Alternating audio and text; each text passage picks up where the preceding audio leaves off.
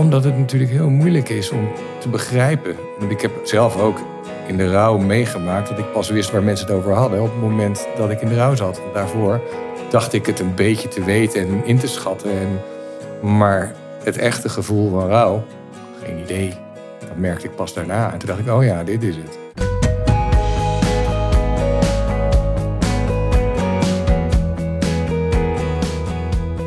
Je partner overlijdt. Hoe ga jij nu verder? Via contact met lotgenoten en in samenwerking met onze partners bieden we een luisterend oor en pakken wij problemen van nabestaanden aan.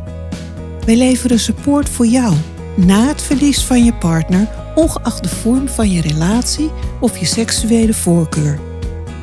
In onze podcast Widow Talk praten we over ons verlies en interviewen we andere weduwen, weduwnaars en bedrijven die nabestaanden helpen hun leven weer op orde te krijgen. Welkom, fijn dat je luistert.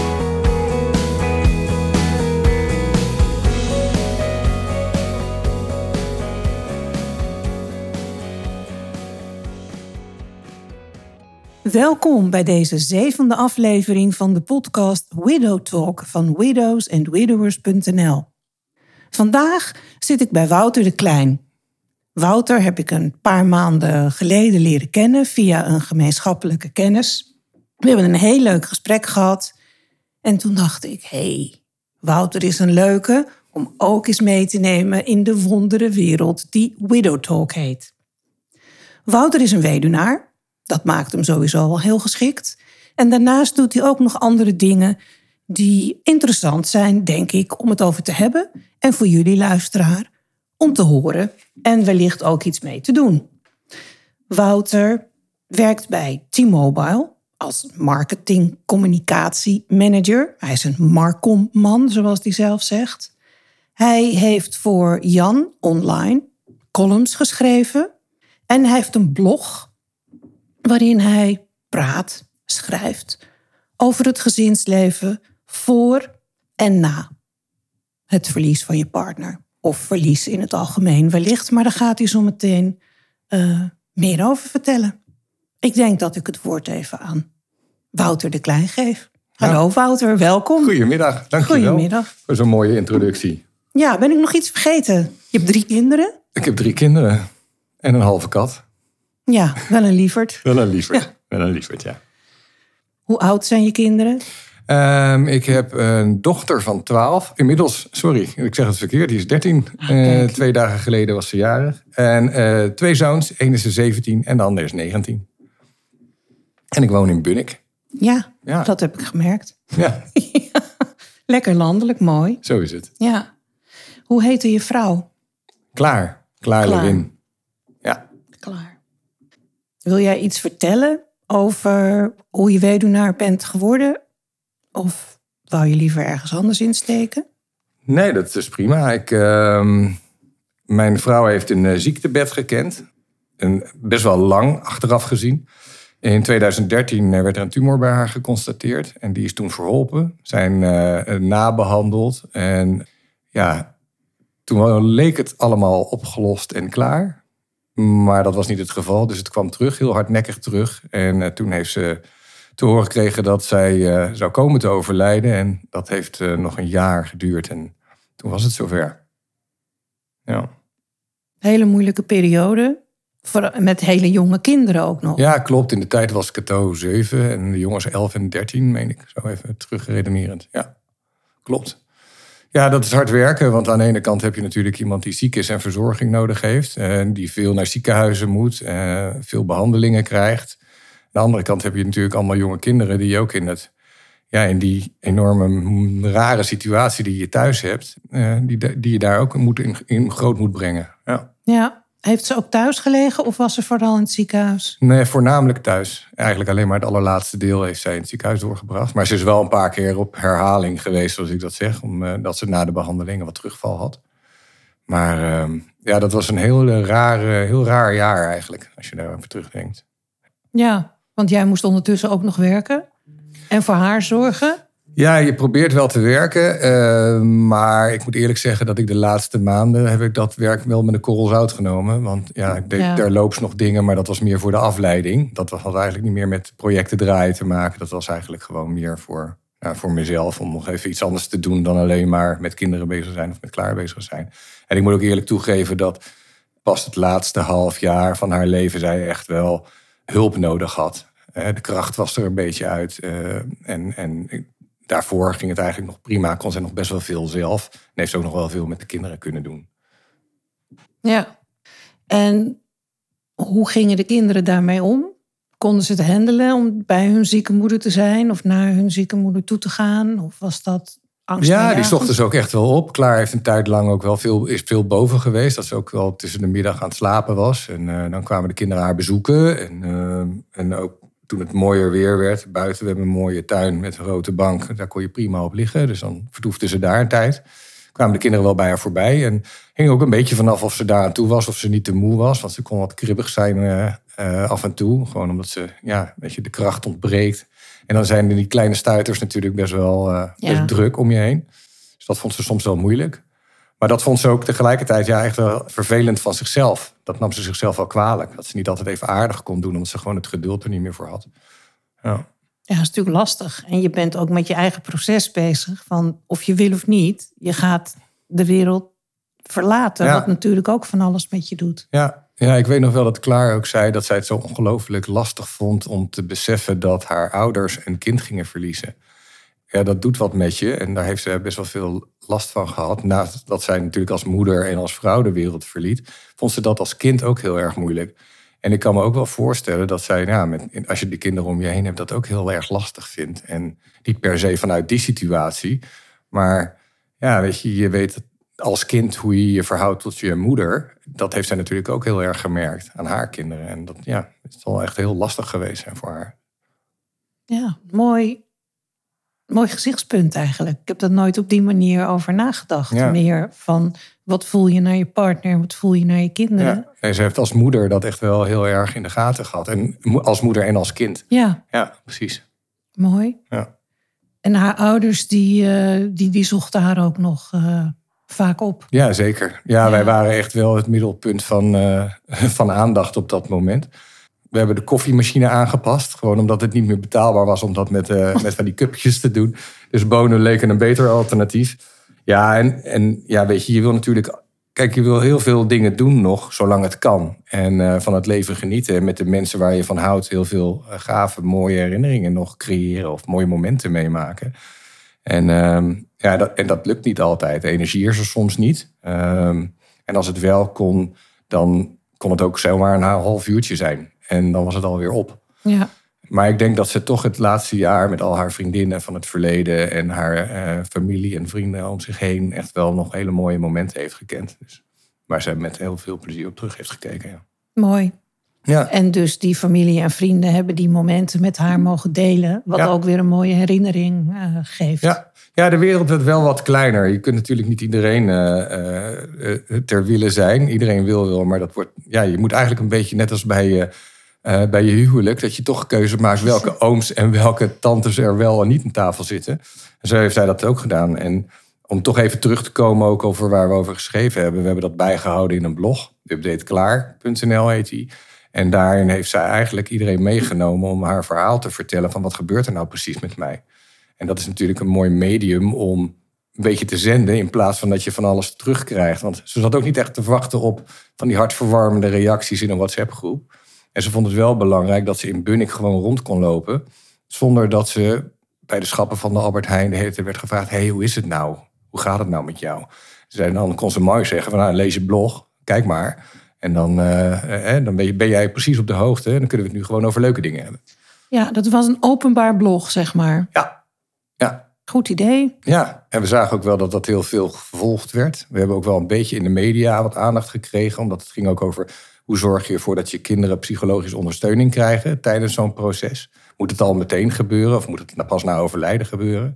Best een lastig vraagstuk. En vanuit de media-aandacht en de doorverwijzingen naar het blog zijn er best wel veel bezoekers geweest.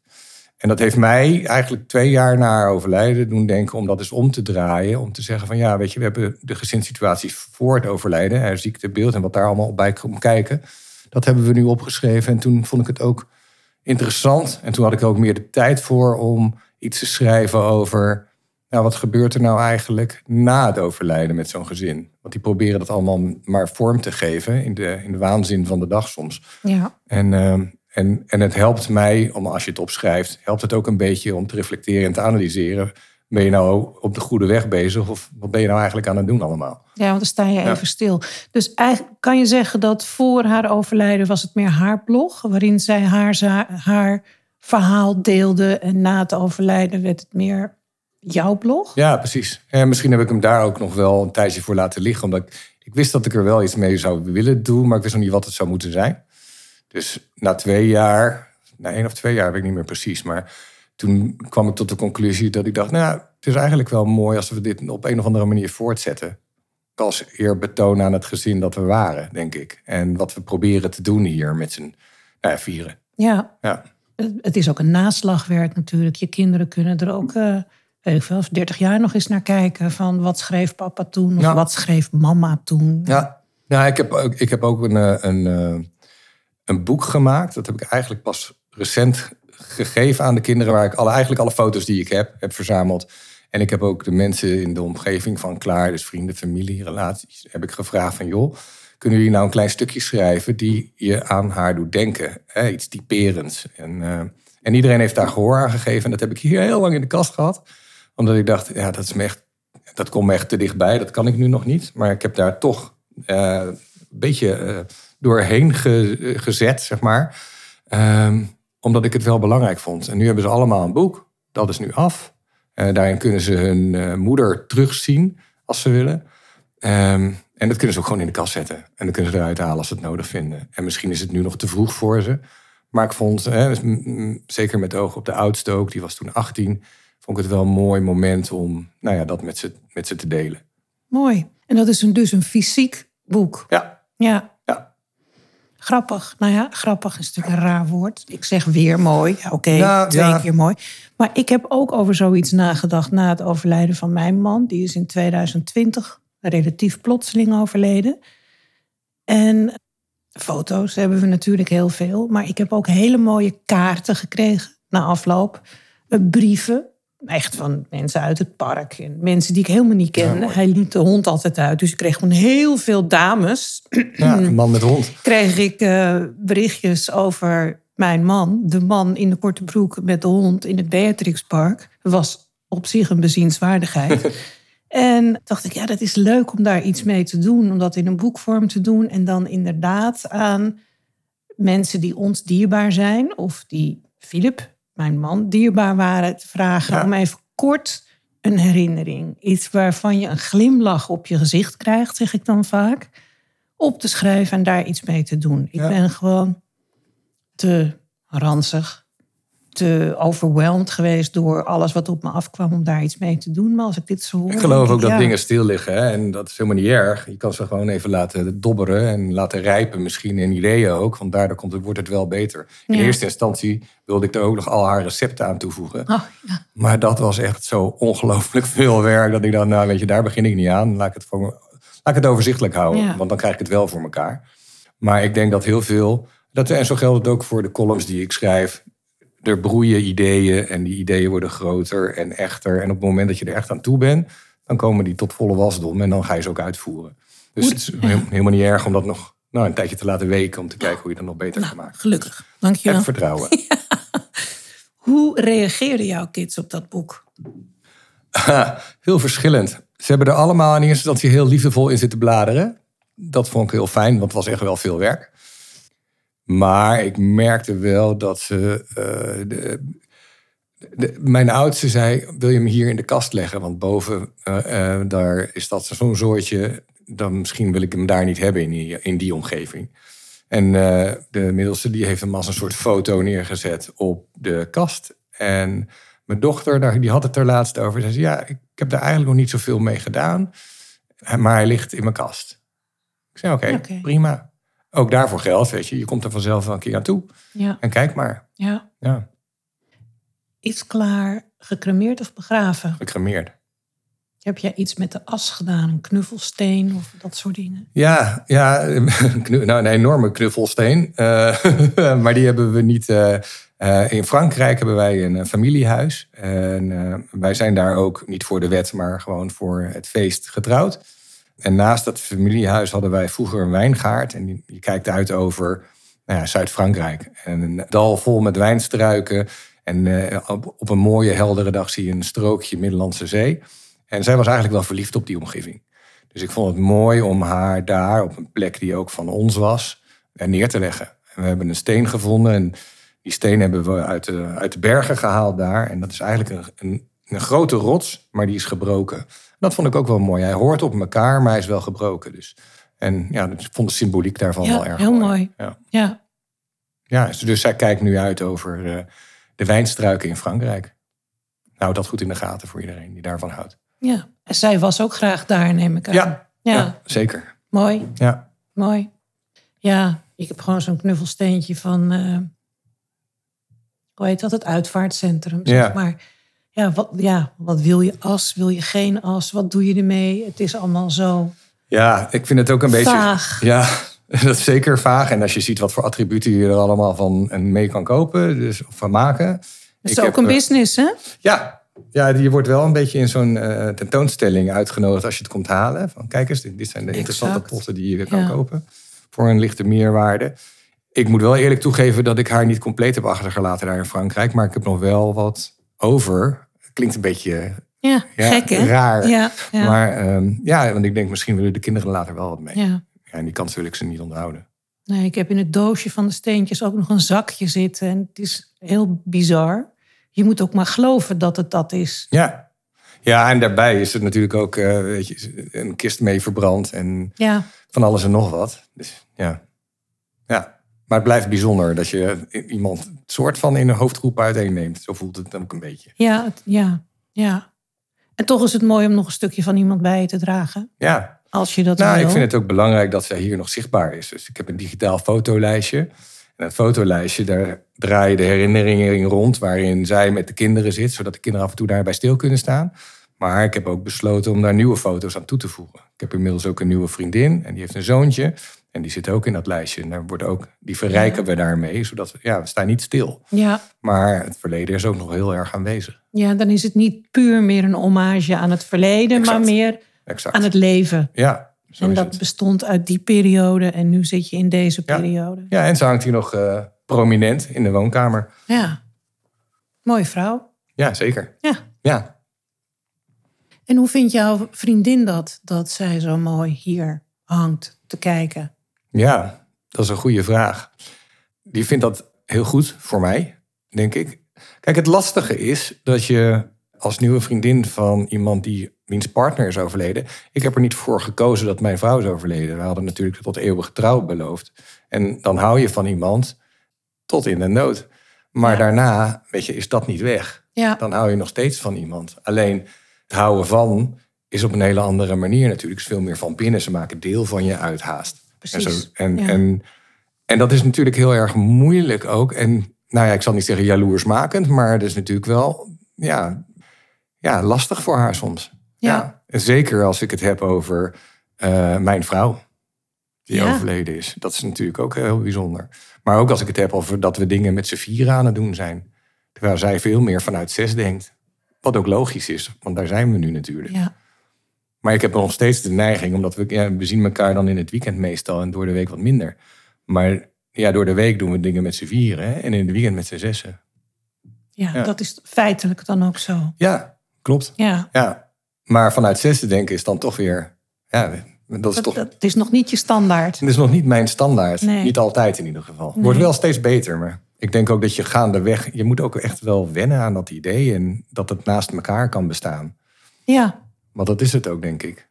Je liefde voor je nieuwe vrouw bestaat gewoon naast de liefde voor je vrouw die overleden is. ja. Ja. Ja, en je kan ook zeggen, het is belangrijk om voor jezelf om die herinnering levend te houden, maar ook voor je kinderen, want die zijn voor een deel hun moeder. Ja, ja precies. Nee, maar dus dat vind ik ook heel, eh, raar eigenlijk als je erover nadenkt. Dat je, eh, mijn kinderen, die zijn hun moeder kwijt. En die hebben daar ja, natuurlijk wel een, iemand anders voor terug. Maar die voelt natuurlijk wat minder als een moeder. Ja. En ik heb, ben mijn vrouw verloren, maar ik heb er een vriendin voor terug. Dus ik heb het idee dat hun echt iets weggenomen is. Ja, weet je, wat niet, wat, het is ook niet te vervangen. En ik wil het Nee. niet over vervangingen eh, eh, hebben. Maar ja, we hebben allemaal verloren hierin. En dat vind ik, ik vind het nog steeds heel erg lastig. Omdat, ja, weet je, ik ben nu gewoon wel weer samen met iemand.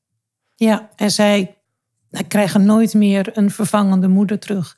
Ze zijn ook te oud, denk Ja. ik. Hè, om te- Nou ja, het is wel iemand die natuurlijk ook meedenkt als een moeder. Maar ja, dat, dat is natuurlijk niet hun biologische moeder. nee, En nee. de band die je met je biologische moeder hebt, is denk ik, ja, die is zo onvoorwaardelijk en hecht. Ja, Ja, en dan denk ik, hè, kijkend naar hun leeftijd, als je twee bent en je verliest je moeder, dan wordt de eventuele nieuwe partner van je vader wat makkelijker je nieuwe moeder dan wanneer je al de puberleeftijd hebt. ja, En eh, ja. daar misschien ook helemaal niet op zit te wachten. Dat iemand jouw moeder gaat Nee, maar vervangen. dan zit je sowieso niet op ouders te wachten, heb ik het idee. Nee, dat- Mm, ja, daar zit ook wat in. Ja. ja, ik had een tijdje geleden dat iemand tegen mij zei... Je hebt het de hele tijd over je man. En dan zei ik, ja, wat moet ik, wat moet ik dan zeggen? Ja. Ik ben niet gescheiden van hem. Eh, dus het is niet mijn ex. Moet ik dan continu zeggen, mijn overleden man? Dat zet ook weer zo'n domper op het gesprek. Ja, Ik zeg ook niet mijn huidige man. Oké, mijn man klinkt natuurlijk wel alsof ik nog getrouwd ben. Maar ja, ja, Ja. nou continu te benadrukken, maar die leeft niet meer, vind ik ook zoiets. ja. Ja, wij zijn nu ook vijf jaar verder en af en toe word ik nog gebeld en dan krijg ik een, iemand die probeert te verkopen aan mevrouw Lewin aan de lijn. En dan roep ik ook, ja, sorry, maar ja, die is overleden. Dan krijg ik altijd, sorry, sorry, sorry. Ja, Of ja. gecondoleerd krijg ik nog. Ja, Ja. En dat voelt nu alsof ik moet herhalen, ja, maar dat is al een tijdje geleden dat ik daar nu ben. En daarvoor was het natuurlijk echt zo intens en zo heftig aan aanwezig. Ja, Ja, ja. het eerste jaar kon ik daar echt wel boos om worden. Dat je dan dat soort dingen nog krijgt. Ja. Ja, Of post.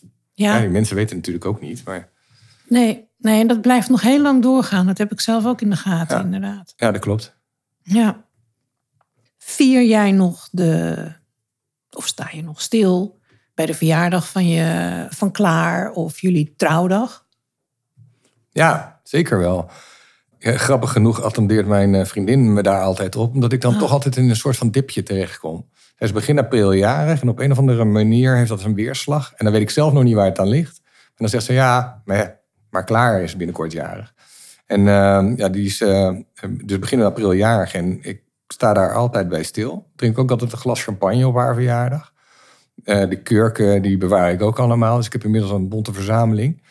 Ik probeer met de kinderen dan ook altijd iets te doen als uit eten of even bij stil te staan. Of uh, ja, Ja, maar, mooi. op de belangrijke data nog wel te gedenken. Ja, Ja. absoluut. Ja, Maar ja, het rare is, dat doe je elke dag eigenlijk. Dus ergens komt ze wel weer voorbij. dat is ook zo. Het Ja. is maar een dag, maar het is een symbolieke dag, waardoor je er extra bij, eh, bij stilstaat. Ja, ja, Mijn kinderen praten eigenlijk helemaal niet over het verlies van hun vader. Het zijn niet van die praters, in tegenstelling tot hun moeder. Maar tegen de tijd dat eh, zijn sterfdag komt, nou, we hebben er nu twee gehad, zeggen ze wel van, heb je al bij Loetje? Wij gingen heel vaak bij Loetje eten, een biefstukje Bali, heerlijk. en eh, die heb je nu ook eh, 3D, hè, vegetarisch, heb ik nog niet geprobeerd. Maar zeggen de kinderen, heb je al Loetje gereserveerd? Gaan we weer bij Loetje eten? En dan denk ik, oh, oké. Ik was niet van plan, maar nu ga ik het meteen doen. Want dat is hun manier. Daarna wordt er helemaal niet meer over papa gepraat. Nee. En als ik wat vraag, zeggen ze, mama, hou er alsjeblieft mee op. Maar het gebeurt wel. En hij, Filip was op 28 januari jarig. En nu dit jaar dacht ik, ik zit met de verbouwing en de verhuizing. Het is wel goed. Moet ik nou weer een... Vorig jaar had ik een borrel gegeven voor zijn verjaardag. ah, ja. Met wat intimie. En mensen die over waren gebleven na zijn overlijden. Want daar wil ik het zo nog even met je over hebben. Ik ben ook best wel de nodige mensen verloren in dat proces. En toen zeiden ze, mama, doe je weer zo'n borreltje? Toen dacht ik, oh, ik was het niet van plan. Maar Mhm. nu jullie erover beginnen, doen we het wel. En het was super gezellig. De Ja. eerste keer was heel beetje ongemakkelijk stond iedereen. Ik zei, jongens, we hebben champagne, we heffen het glas en we drinken op het leven en de mooie herinneringen. En dat was perfect. En toen was er een heerlijke flow van gesprekken en sterke verhalen. Ja. En, eh, dus Maar dat is het toch ook? Het gaat er eigenlijk om. Er is, je kiest even een moment met z'n allen waar je heel even bij stilstaat. En daarna neemt die avond toch weer een, zijn eigen gang. Precies. Ja. Want die persoon is er niet meer bij, dus je kan het er even over hebben. Ja. Je kan ook even in je emoties schieten, maar hoe lang doe je dat in zo'n setting? Ja. En daarna is het gewoon weer eh, gezellig. ja, klopt. En jouw vriendin is er ook bij dan, als jullie eh, even stilstaan? Moet ik even over klaar? nadenken. Eh, Ergens die dag volgens mij wel. Maar als we uit eten gaan, dan heb ik toch wel een beetje nog steeds de neiging om dat dan even met z'n vieren te doen. Met het echte gezin. Nou ja, Ja. ja, ik mag het eigenlijk niet zeggen, maar op die manier. Ja, beschouwt zij het sowieso dan op zo'n moment. Maar ja dat, het, ja, dat heeft ook. Kijk, als het dan ook aan de orde komt, dan is het ook wel mooi om daar met z'n vieren even over door te praten. Wat die situatie was en hoe dat ondervonden is. Niet dat het ervan komt, maar ja, je wil die gelegenheid gewoon Ja, vasthouden of zo. ja. Nee, dat, dat begrijp ik heel goed. Ja. Voor mij is dat ook. Dat etentje is met z'n vieren en die, die, ja, die borrel. Daar nodig ik gewoon dierbare mensen uit. En nog wat mensen die, waarvan ik denk, ah, jij mag er ook bij, jij bent ook leuk. Ja, Ja. Dus dat is wat breder. ja, ja, Eh, maar daar is het ook een borrel voor. ja. nee, dat klopt. Ja, dat is interessant, want ik ben nu een paar keer benaderd door mensen die graag willen weten hoe ze om moeten gaan met het feit dat zij nu partner zijn van een weduwe of een weduwnaar. Omdat ze het heel moeilijk hebben met waar sta ik? Ja. Houdt hij of zij wel evenveel van mij als van de overleden partner? En wat is mijn plek? En wat moet ik accepteren? De foto aan de muur Ja, de schoenen, de schoenen nog eh, in de gang, eh, noem maar op. Ja. Nou, we gingen laatst fietsen naar Utrecht. En, eh, en zij fietst dan op de fiets van Klaar. En dat is natuurlijk ook een gebruiksartikel. En toen vroeg ze aan mij, en dat vond ik super lief van haar... vind je het erg als we het zadel omhoog doen? Ja. En ik vond dat ontzettend nou ja, goed meegedacht ook. Omdat je daarmee echt aangeeft dat je je bewust bent van wat er speelt. En dat is eh, hartstikke lief en attent. En ik moest ook echt even over nadenken of ik nou vond dat ik dat kon doen of niet. Wil je dat houden zoals het is? Of is het inderdaad maar gewoon een fiets waar je het zadel van heen en weer beweegt? Ja. Ja. Maar dat, is, dat geeft wel precies aan waar die... Zij lopen wel op, op eieren af en toe ja, omdat het natuurlijk heel moeilijk is om te begrijpen. Want ik heb zelf ook in de rouw meegemaakt dat ik pas wist waar mensen het over hadden op het moment dat ik in de rouw zat. Want daarvoor dacht ik het een beetje te weten en in te schatten. En, maar het echte gevoel van rouw, geen idee. Dat merkte ik pas daarna. En toen dacht ik, oh ja, dit is het. Ik weet nog wel dat ik van tevoren kon ik natuurlijk nadenken over wat er hè, wat, wat me te wachten stond. En dat mijn vrouw zou komen te overlijden, dat was zeker. Maar ik kan me nog goed herinneren dat ik wegreed uit het ziekenhuis op het moment dat ze net overleden was. En ik zat met mijn kinderen in de auto.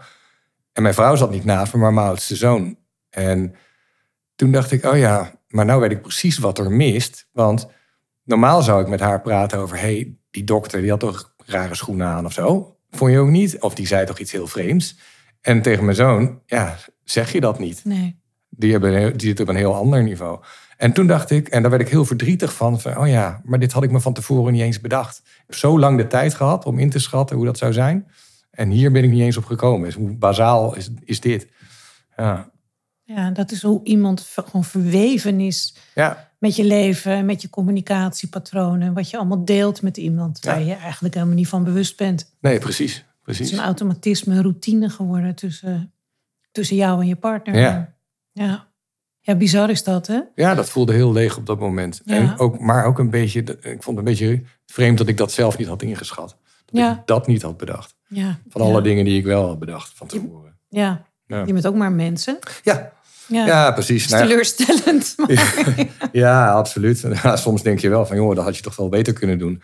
Nee, maar ook voor de kinderen, weet je, ben ik, ben ik ook bezig geweest om te kijken van, wat gaan zij missen en hoe, hoe wordt hun leven anders? En het eerste jaar heb ik echt mijn stinkende best gedaan om alles gelijk te houden. Precies te houden zoals het was. En eh, dat, dat is niet te doen, kan ik verklappen. Dat is echt heel hard werken. Alle bordjes in de lucht houden en overal, elk lidmaatschap, elke school, elke activiteit, alles kon en alles mocht. En we deden ook alles nog steeds zoals we dat hadden gedaan.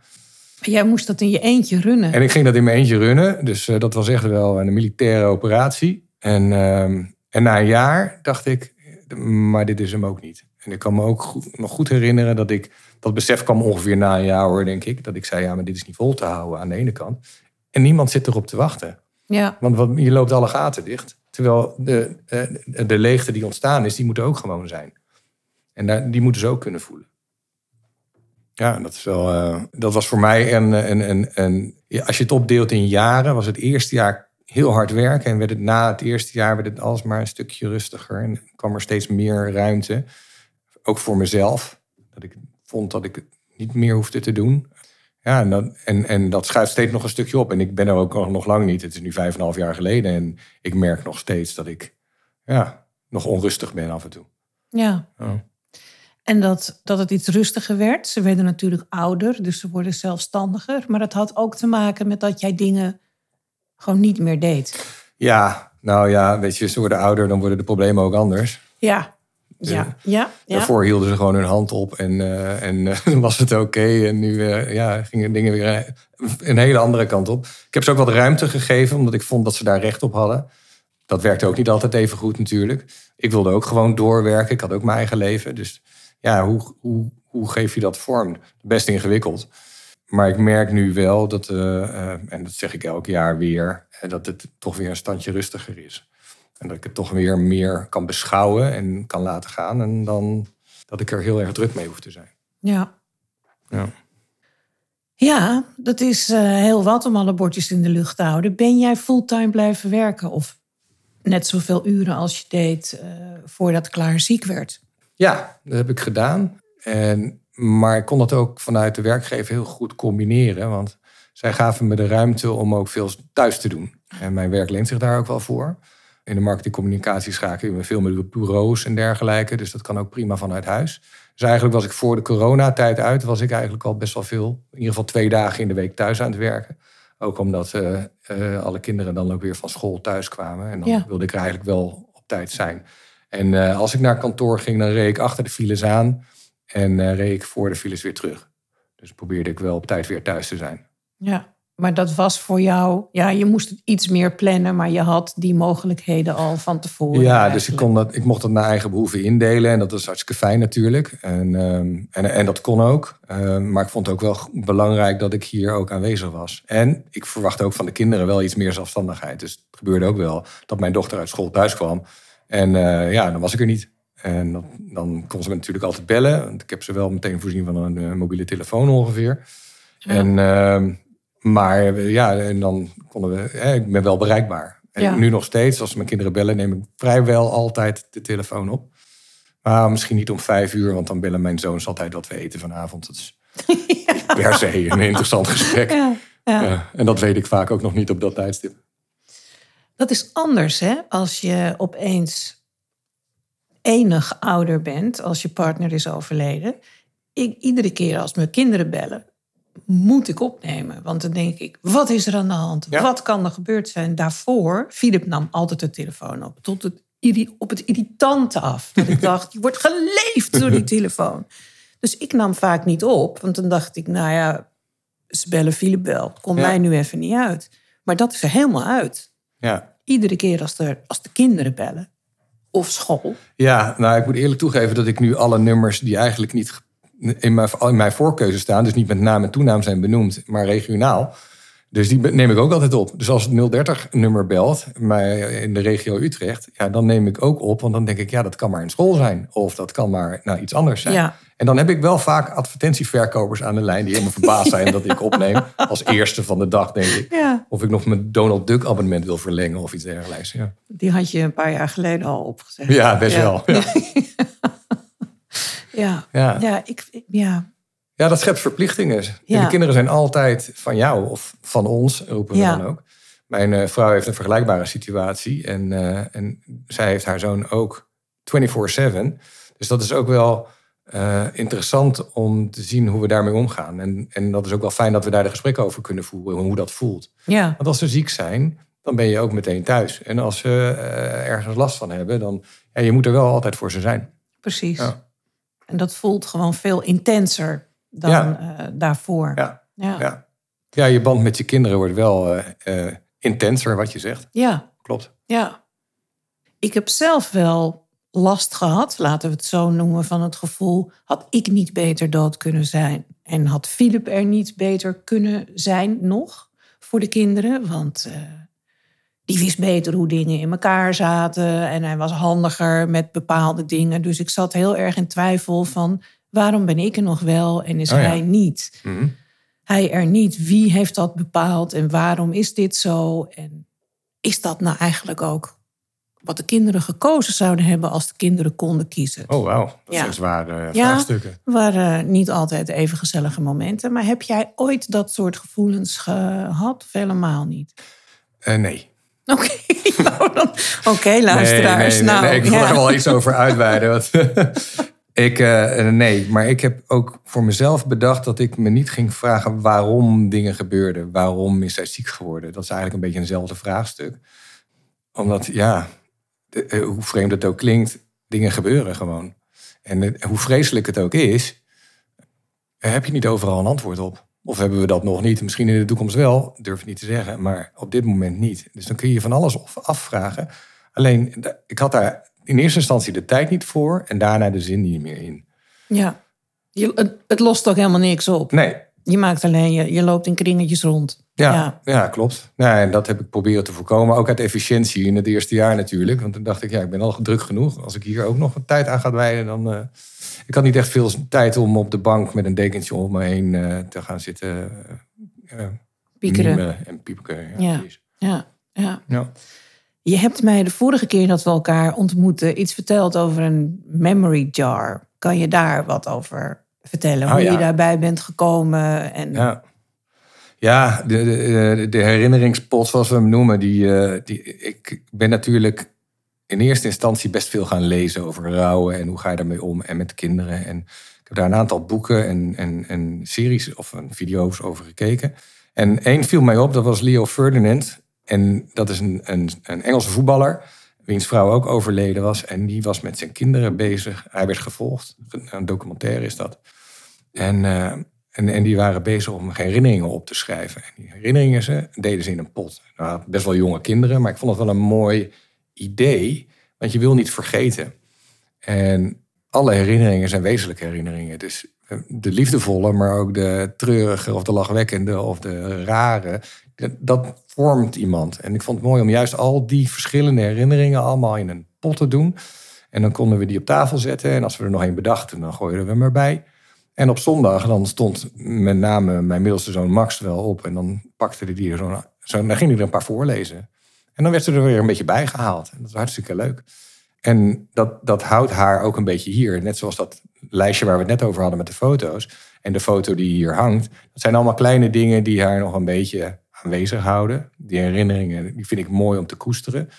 En ehm, ja, de pot is wel vanaf de tafel naar de kast, naar de keukenkast gegaan. Dus hij maakt een beetje een rondtocht, maar hij is nog altijd wel in beeld. Ja. Hij is er nog. Hij staat daar Ja. boven op het keukenkastje, ja hoor.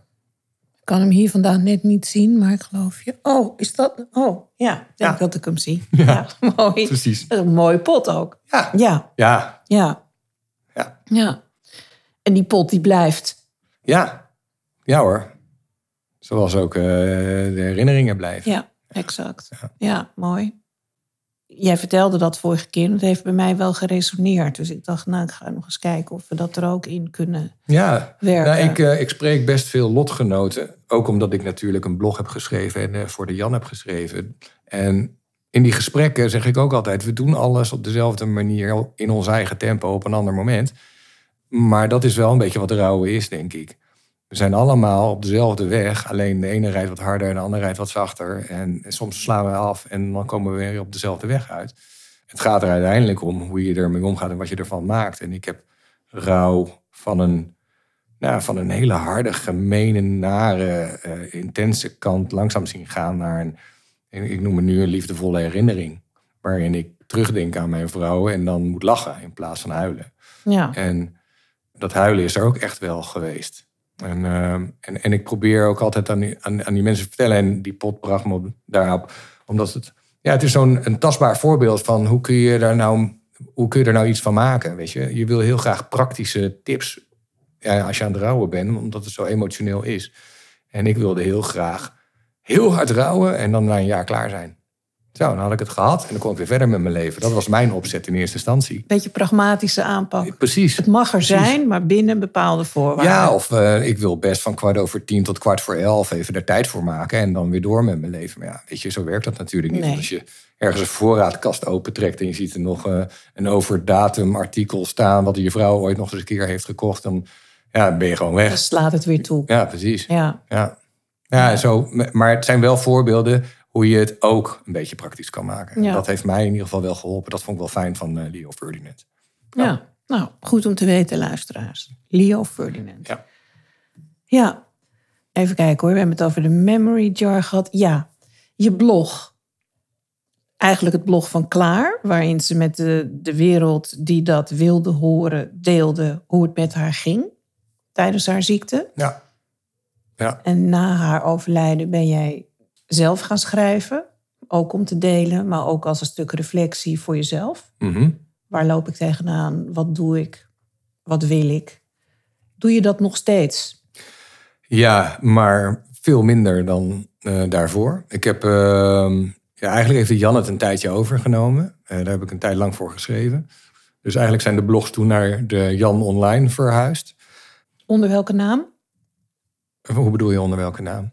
De blogartikelen Oh, de blogartikelen. Die bij, staan om, eh, bij Jan Online. Ik geloof, daar is niet echt een, eh, een titel voor. Oké, gewoon Wouter een Klein, column van Wouter de Klein. Exact, Ja. ja, hoor. Oké. Ja, nee, die had niet een, een specifieke naam. Nee, en eh, op de blog ben ik een beetje daarin stilgevallen. Maar ik heb nu wel bedacht dat... kijk, we zitten in een andere fase ook. Hè, wat ik al zei, met een vriendin. En we zijn met z'n zessen zo nu en dan. En hoe gaat dat dan? En dat is nog wel... Nou, vind ik al een andere interessante onderwerp om eens eh, het hoofd te bieden. Exact. Er is wat over te schrijven. Dat is ja. ook interessant om mee te nemen. ja, hoe gaat dat? Ja, En wat komt daarbij kijken? ja, Absoluut. ja. Ja. Ik had nog een vraag aan jou. Nou, even, hoe, hoe is de Jan bij jou gekomen en bij je blog? Of hoe ben jij bij de Jan Ja. gekomen? Hoe is dat ontstaan? Ja, dat is via een vriendin van Klaar gekomen. En ehm, zij heeft veel contacten met redacties. En ik vond het toch wel interessant, omdat ik veel eh, reacties kreeg op mijn blog. Van mensen die eh, eh, met name zeggen, zeiden dat het herkenbaar was. Heel herkenbaar wat ik schreef. En, en dat deed me denken. En toen dacht ik, nou ja, misschien is het dan ook wel leuk om te kijken of dat voor een groter publiek misschien geschikt is. Ja. En toen hebben we de redactie benaderd. En, ehm, en, en het vreemde daarbij vond ik wel... Ja, kijk, je wil je eigen ver- verdriet niet commercialiseren. En dat vond ik het lastige eraan. Dus ik heb wel heel lang lopen denken van... ja, doe, doe, wat doe ik nou? Eh, is dit nou een, een, een slimme keuze? Past dit? Eh, en toen dacht ik, ja, nee. ik- want vanuit de redactie, reacties die ik krijg... en kennelijk heb ik iets met woorden... waardoor ik het gevoel van anderen ook kan verwoorden... Ja, eh, ja, dan denk ik, ja, dan, dan doe je toch iets goed op een of andere manier. Dus daarom vond ik het eigenlijk wel mooi om daarmee aan de slag Ja. te gaan. Ja, ja, dan is het een mooie gedachte. Jouw woorden kunnen andere mensen raken. ja, ja zoals bijvoorbeeld eh, eh, ik eh, de, memory jar Ja. heb overgenomen van anderen. De anderen ook weer, daar weer wat mee. wellicht. Exact. Ja. Nou, en ook via deze podcast gaat die memory jar. Nou ja die, ja, die heeft zijn eigen leven. Maar het, het gaat er ook om, kijk, ik, je kan een, een enorm zielig verhaal schrijven. En waarin je de, de hele zwarte kant van rouw laat zien. Maar ik heb wel geprobeerd om te, zo te verwoorden dat het, weet je, dat we het leven ook vieren aan de andere kant. Ja, natuurlijk zijn we treurig. En ja, het, het zit niet mee. Alleen, er is ook nog heel veel goeds over te zeggen. Ja. En eh, leuks over te zeggen. Ja. En met een knipoog. En dat heb ik wel geprobeerd te doen om het positief te houden. En nou ja, strijdbaar misschien wel. Ja, Ja. ja. mooi. Nou, je praat in ieder geval heel makkelijk. Dus eh, dat ik kan me voorstellen dat dat voor mensen prettig is. Ja, nou ja, je moet het ook niet te moeilijk maken. En kijk, iedereen heeft een heel speciaal verhaal, want die heeft iemand persoonlijk verloren. En dat doet hartstikke veel pijn. En dat is natuurlijk een uniek verhaal. Ja, Alleen, als je dat allemaal meemaakt, hoe uniek is het dan? dan valt het wel mee. En zonder in gradaties te gaan denken. Weet je, sommige mensen ze hebben tergender verlies gekend dan andere mensen. Maar ja, weet je, verlies is verlies. Exact. Ja, En sommige mensen zeggen, oh nou, maar van jou is erger. ja, Dan zeg ik, ja, ieder huisje heeft zijn kruisje. Dat is natuurlijk zo'n heerlijke ouderwetse uitdrukking. Maar Ja. jouw verdriet is jouw verdriet. ja. En dat maakt het niet meer of minder dan het verdriet van een ander. Nee, precies. Dus dat. Ik weet nu wat ik je net wilde vragen. Ah, nou ben ik benieuwd. Gelukkig. Wat was het nou ook alweer? Nee. Grapjas. Ja, dat kan ik zijn. De do's en de don'ts. Heb je daar nog voorbeelden van? Van wat vrienden, kennen ze, heel goed bedoeld doen. Of misschien de kring daarbuiten. Mm. En waarvan jij denkt, oh, alsjeblieft niet. Ga weg. Laat me met rust. Hier heb ik geen zin in. Ja. Heb je dat meegemaakt? Ja. ja en nee. Je hoeft geen namen te noemen. Nee, nee, ik zal proberen weg te blijven bij namen. maar ik weet nog goed. Nee, ehm, wat ik, ik had eigenlijk een beetje voor mezelf bedacht dat ik kwam terug van, zij in, mijn vrouw is in juli overleden en ik kwam terug van de zomervakantie. En toen eh, heb ik ehm, gezegd, ik wil geen lasagna's meer aan de deur. Eh, want lasagne is natuurlijk een goed gekozen eh, avondeten, wat alle kinderen wel lusten. Dus daar stonden ze regelmatig van. Ik had mijn vriezer vol met lasagna's. En dat is hartstikke lief bedoeld. Ja. Alleen, ik wilde het graag zelf kunnen. Want ik dacht, als ik nou weet waar, wat ik allemaal wel kan, dan weet ik ook wat ik niet kan. Waar gaan de gaten vallen? En dan kan ik daar hulp op invragen. Ja. Het enige wat er dan gebeurt, is dat dat, doet, dat gebeurt niet. Want als je maar hard genoeg doorwerkt, dan lukt alles. Dan lig je wel pas om 11 uur in je bed en doodmoe. Maar heb je het wel heb je allemaal het wel gedaan. voor elkaar, ja. Ja, dus wat mensen niet moeten doen, ik vind dat altijd wel lastig. Kijk, volgens mij gaat het erom dat alle goede intenties, dat is, al, dat is allemaal prima. Maar geef de mensen de kans, die kunnen niet zo goed zo voor zichzelf denken. Dat vond ik. In die fase dacht ik, ik kan eigenlijk helemaal nog niet zo goed voor mezelf denken. Ik weet niet precies wat ik nodig heb. ja. Ik heb ervoor gekozen om die lasagna's allemaal eh, een sweep te geven. Maar ik vraag me af waarom, en dat is het advies wat ik altijd geef, waarom stel je niet voor om iets te doen? Waarom zeg je niet, weet je wat ik voor jou ga doen? Ik ga voor jou een wandeling organiseren en drink een kopje thee. En je mag het allerlaatste moment mag je gerust afbellen. En als jij de bocht wil afsnijden, is dat ook oké. En als je geen thee wil, is dat ook oké. Sterker nog, als we niet gaan wandelen, vind ik het ook goed. Maar Ja. dit is wat ik voor jou ga doen. Want ik weet het ook niet zo goed. ja. In plaats van te zeggen, nou laat maar horen als ik iets voor je kan doen. Ja, precies. Want ja, weet je, je kan het zelf niet bedenken. Ja, klopt. Het Ja. is helemaal leeg. Je, je hebt geen idee. Nee, je hebt geen idee wat je Ja. nodig hebt. En zeker niet op welk moment je dat nodig hebt. Dus het is echt niet te doen. Dus ja, maak het maar concreet en maak een lijstje. En hang ze allemaal op met al die namen. En zeg je, ah, vandaag, weet je waar ik nu zin in heb? Een wandeling en thee. Nou, Let's go. dan ga ik die bellen. Ja, ja. ja. precies. Dat kan. Ja, dat is heel praktisch. Ja. Zeiden mensen nou ook tegen jou de hele tijd... oh, jij bent zo sterk, we hebben zo'n bewondering voor je... en jij kan dat aan? Nee, totaal niet. nee, nee, nee, ja, nee. Maar eh, ik hoorde wel veel van mensen, je doet het goed. Dat, en dat deed mij ook wel goed hoor, moet ik zeggen. Want je bent toch ook een beetje aan het twijfelen. En, eh, en nog steeds doe ik dat wel over de opvoeding van mijn kinderen. En waar zij nu zijn. En waar je ze gunt dat ze zijn. Waarbij ze ook al die hardships allemaal zelf moeten meemaken. Ja. En hun eigen leven voor moeten geven. Ja, zijn ze wel op een achterstand gezet. En als ouder, weet je, ik heb toch compensatiegedrag vertoond. Met Sinterklaas stond hier een bult aan cadeaus. Daar kon je niet overheen springen. En ja, weet je, eh, dus ik probeerde ze altijd wel een beetje een zetje te geven. En dat lukt gewoon niet. Ja, dus Nee, dat, is jouw gevoel. Ja. ja. En dat, vind ik, dat vond ik echt lastig. Ja. Ja. En dan zie je, uiteindelijk zie je, ze moeten toch hun eigen pad volgen. ja, En dit verlies nemen ze mee. En dan, ja, uiteindelijk worden ze er sterker van, hè, zegt iedereen dan. Maar goed, het is Ja. een eh aardige ook dat is ook weer zo'n uitspraak Ja. waar je, eh, die voor de volle honderd klopt. Want ik geloof ook echt wel dat, eh, dat de, de, de hardships in je leven, de, de slechte dingen die je overkomt, dat er uiteindelijk iets is wat je groter, beter, sterker maakt. En eh, waar je wat van leert. En je weet nog niet wanneer dat is. En voor de kinderen weet ik dat natuurlijk ook niet. Maar uiteindelijk hebben die daar, zullen die daar ook een positieve kant van zien. Ja, Zo probeer ik het wel eh, te benaderen. Want dan gebeurt iets slechts niet per se voor iets slechts. Maar dat betekent ook dat er altijd nog iets goeds achter dat er zit. iets uit groeit. Ja, Ja, ja. ja. Hoe krom dat ook is. Ja. Maar Ja, ja. maar dan geeft dat, dat, dat is een soort van zingeving ook eraan. Ja. Ja. Ja. dat is ook een mooie zingeving. Ja. Zie je dat bij jezelf ook? Ja, ik ben wel gegroeid als mens, vind ik. Ik ben veel meer uitgesproken dan ik vroeger was. Vroeger deed ik het allemaal toch een beetje meer voor mezelf. Ja, en je, je, je, je krijgt ook een beetje een andere kijk op het leven, denk ik. Waarbij je de kleine momenten nog belangrijker vindt. En waar je ook wel het geluk van de dag even pakt. En Ja. ehm, ik ben in eerste instantie ook heel erg per dag gaan leven. Of zelfs dagdeel gaan leven. Omdat ik niet verder kon kijken. En ja, ik, ik moet eerlijk zeggen dat ik dat ook wel eh, prettig vond. Want dan ben je heel erg bezig in het hier en nu. Ja. En, ehm, en dat betekent dat je een hele slechte planner bent hoor. Want dat is een consequentie daarvan. En dat ben ik ook. Maar het is wel fijn om eh, eh, ja, daarbij stil te staan. Dat het grootste, meest slepende niet altijd brengt wat je ervan verwacht. Maar juist, ja, waarom zou je niet bij de kleine dingen ook echt stilstaan? Ja. Daarvan te genieten. ja, iets meer in het nu leven, bij de dag leven. Ja. Ja. Genieten van wat je hebt. En Ja. jij? Ja, dat merk ik ook. Ja? Alleen, mijn situatie was zo dat mijn man mij financieel niet achterliet zoals ik dacht. En ook niet op een manier waarop wij voort konden leven, door konden gaan zoals we leefden. Nou ja. En dat was wel een dingetje. Ja, Om het even te Ja. kleiner te maken dan, ja het, wordt juist groter ervan. Ja.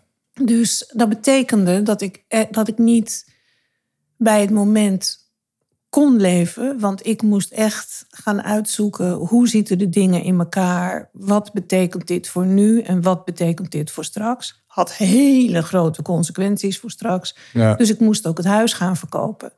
Dus ik had eigenlijk helemaal geen tijd om bij de dag eh, te leven. Ik was ook heel blij met al die maaltijden die ik kreeg. Ik kreeg eh, twee of drie maanden lang de meal train.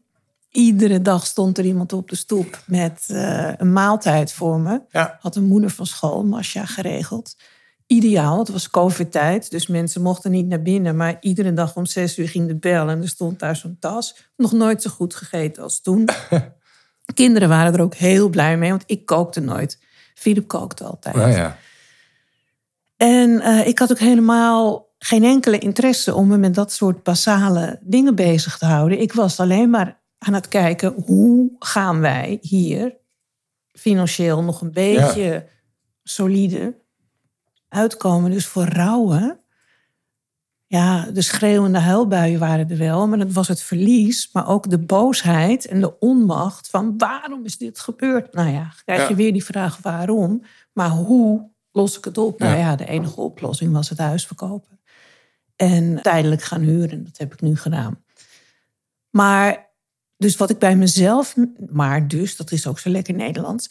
Wat ik bij mezelf merk, is dat ik daardoor een stuk rouw of verwerking of vergeving nog niet helemaal afgerond heb. Ja. Ik kan heel goed compartimentaliseren. Mooi woord. Ja.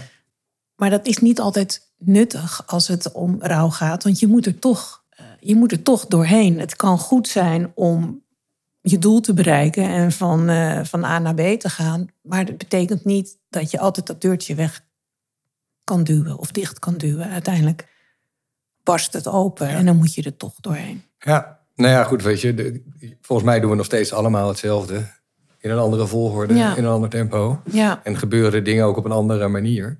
Maar we- in wezen doen we nog steeds allemaal hetzelfde. De- Bij de ene is het zo groot en wordt het kleiner. En de ander wordt het, begint het kleiner en wordt het groter. ja, En ook na zoveel jaar eh, merk ik ook dat ik, als ik erop terugkijk hoe ik er in het begin over nadacht en hoe ik er nu in sta, wat voor een wezenlijk verschil het is, dan hebben we het over vijf jaar ongeveer. En eh, ik heb ook wel mensen gesproken wiens partner tien jaar geleden overleden is. En die zaten met tranen in hun ogen. En ik weet nog dat ik toen dacht, en dat is dan nou ja, twee jaar na het overlijden van mijn vrouw, dat ik dacht, oh man, als ik dan straks ook nog daar zo verdrietig over ben, dat is toch echt Wat dan? Ja, wat dan? ja, ja, Terwijl je, ja, je, het is ook gaaf om mee bezig te zijn op een of andere manier.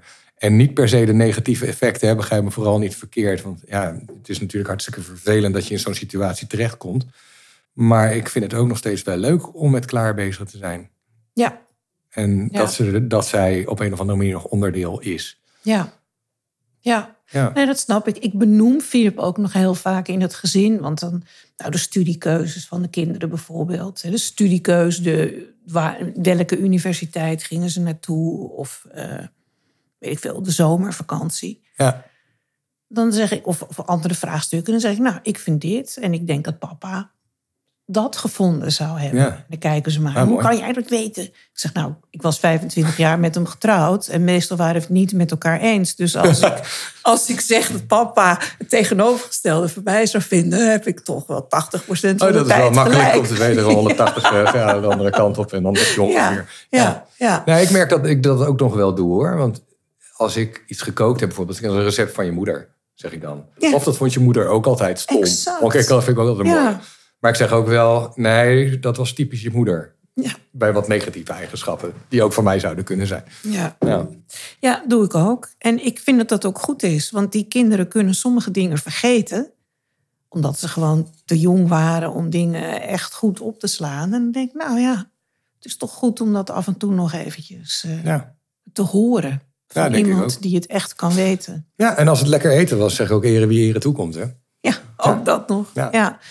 Maar eventjes over dat groeien. Ik voelde me dus heel klein, omdat ik in een situatie zat waar ik naar mijn idee ingeworpen werd. Wat niet mijn schuld was, krijg je ook nog dat rechtvaardigheidsgevoel. Dat is natuurlijk helemaal niet relevant. Dat, dat, dat, dat heeft helemaal geen plaats. Maar goed, daar ga je toch doorheen, althans ik. Maar nu kan ik ook terugkijken en denk ik, nou, ben eigenlijk best wel een stoer wijf. Ja. Want ik heb dat huis verkocht op de manier waarop ik dat wilde. Waarvan mij gezegd werd, gaat nooit lukken. Leef in vertrouwen, Ja. zei mijn coach dan. Dus dat heb ik ook gedaan. Nu een huisje gekocht. In mijn eentje die verbouwing doen. Ik vond verbouwingen altijd enig om te doen met Philip. Heel veel relaties sneuvelen op verbouwingen. Wij genoten daarvan. Hoe groter het project, hoe leuker. Een paar keer gedaan. Dus nu in mijn eentje vond ik hartstikke spannend. Maar het lukt wel allemaal. Met, met, met Widows and Widowers begonnen met Ja. Astrid. De opleiding tot trouwambtenaar gedaan. Dus los van alle verlies zie ik in mezelf ook weer een ontwikkeling. Dat ik denk, hé, hey, dat was ook nodig. Of dat dan op deze manier had gemoeten. Ja. Nou ja, dat is maar weer de vraag. Maar daar heb je zelf niks over te zeggen. Maar het is wel fijn om te zien hoe je dan weer in je kracht komt. En een stuk innerlijke groei ziet en persoonlijke groei. Waar je happy van wordt. Ja, ik denk ook wel, weet je, het is ook een beetje de mensen eigen dat ze zichzelf steeds weer willen ontwikkelen. Dat je niet te vast komt te zitten in patronen. Of dat nou met een baan is of iets dergelijks. Of, eh, maar dat dit ook inderdaad wel helpt om jezelf helemaal terug te werpen naar eh, een soort van herontdekking. Exact. Ja, Ja, ja. klopt. Dat zie je vooral bij mensen die een partner echt verloren zijn. Misschien dat gescheiden mensen dat ook meemaken. Dat weet ik niet, daar kan ik niet over oordelen. Maar als je je partner verloren bent, dat, ja, dat is natuurlijk een heel extreem trauma. Waardoor je heel erg op jezelf teruggegooid eh, wordt, zeg maar. Ja. Met je gezin. Ja, naast die kinderen. Ja, Ja, ja, ja. ja. Nou, mooi. De tijd vliegt. We zitten alweer bijna een uur eh, in gesprek, zie ik. Heb jij nog Ja. dingen die je wilt delen waarvan je zegt, nou jammer dat je dat niet gevraagd hebt? Ik had dat graag nog willen vertellen. Nou, ik moet eerlijk zeggen dat ik vind dat je best wel veel gevraagd hebt. En ehm, ja, ik kan mensen aanraden, verzoeken, als ze het leuk vinden, om eens een kijkje te nemen bij updateklaar.nl. Ja, De blog, als het ze interesseert. is klaar met een C. Klaar met een C. Aan elkaar. Ja. Ja. En ehm hey, dankjewel. Vond het een leuk gesprek. Het is altijd een leuk gesprek ook. Ja, Ja, nou ja, daar zijn we het over eens. Het hoeft niet per se zwaar te zijn Nee. om het toch over dit onderwerp te kunnen hebben. ja. En dat is eigenlijk ook wat we met Widow Talk willen. Stilstaan bij wat er is gebeurd. Gluren bij de buren, zeg ik altijd. En meeluisteren. ja. Nou, en er en misschien is- wat van leren. Exact. En dat is denk ik ook wat je, wat je vaak ziet. En wat ik, wat ik bij het opvoeden van mijn kinderen bijvoorbeeld heb gedaan, maar ook in de rouw heb gedaan. Je gaat toch om je heen kijken en toch om je heen lezen. Je bent, wil toch kijken van, oké, maar hoe dan? En Ja. wat dan? En wat, is, wat, komt, wat past bij mij? Ja, Ja. precies. En eh, bij, de, bij de ene aflevering kunnen mensen misschien denken... nou ja, dat- daar heb ik minder mee. En bij de andere aflevering kunnen ze denken... hé, hey, dat is leuk. Of eh, een stukje herkenning. Of oh, dat ga ik ook doen. Ja. Of had ik dat maar gedaan? Nou ja, alles om een gedachteproces of een gevoel. eh, Heb je nog een lijstje met onderwerpen van die je heel graag wil bespreken in deze podcast?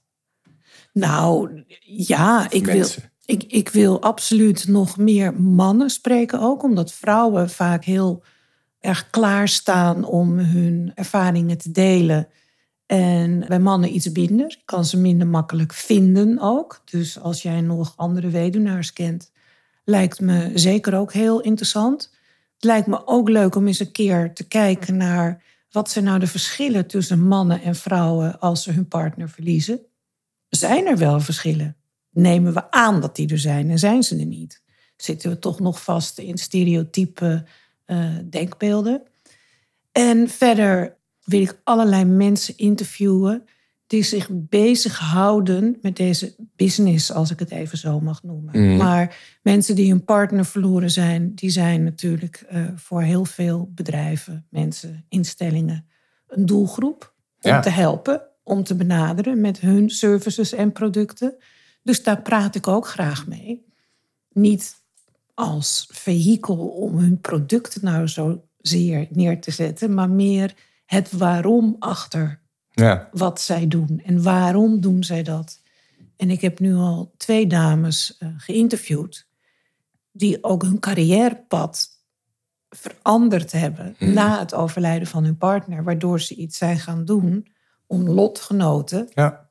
die hun partner verloren zijn, te gaan helpen. Wat ik zelf heel mooi vind en ook weer een voorbeeld vind van hoe je door dit specifieke trauma weer in een bepaalde kracht komt, Ja. waarmee je anderen wil helpen. Nou ja, wat Astrid en ik ook doen. Mhm. Door. Ja. Maar het is, ja, het is ook belangrijk dat het niets voor niets was. Exact. Ja. Ja.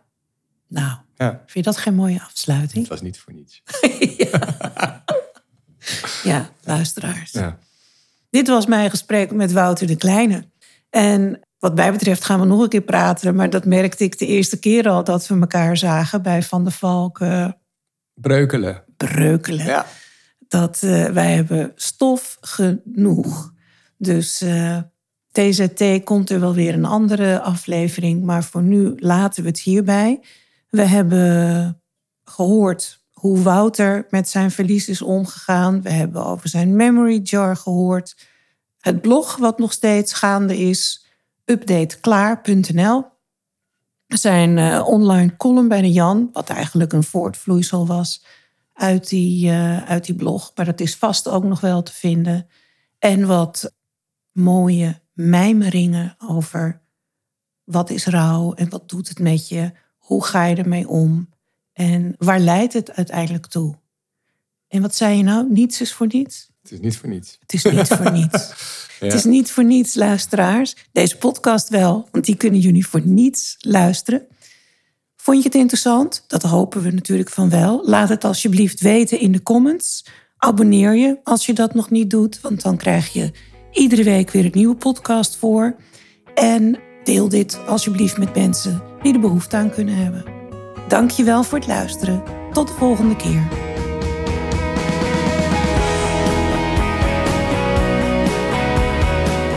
Dank voor het luisteren naar deze aflevering van Widow Talk. Als je meer wil weten, ga naar de website widowsandwidowers.nl of klik op de link in de show notes. Daar vind je meer informatie over alles wat we doen, onze shop en ook een overzicht van de eerdere podcasts. We horen graag je feedback via mail en social media. Stay tuned, tot de volgende keer.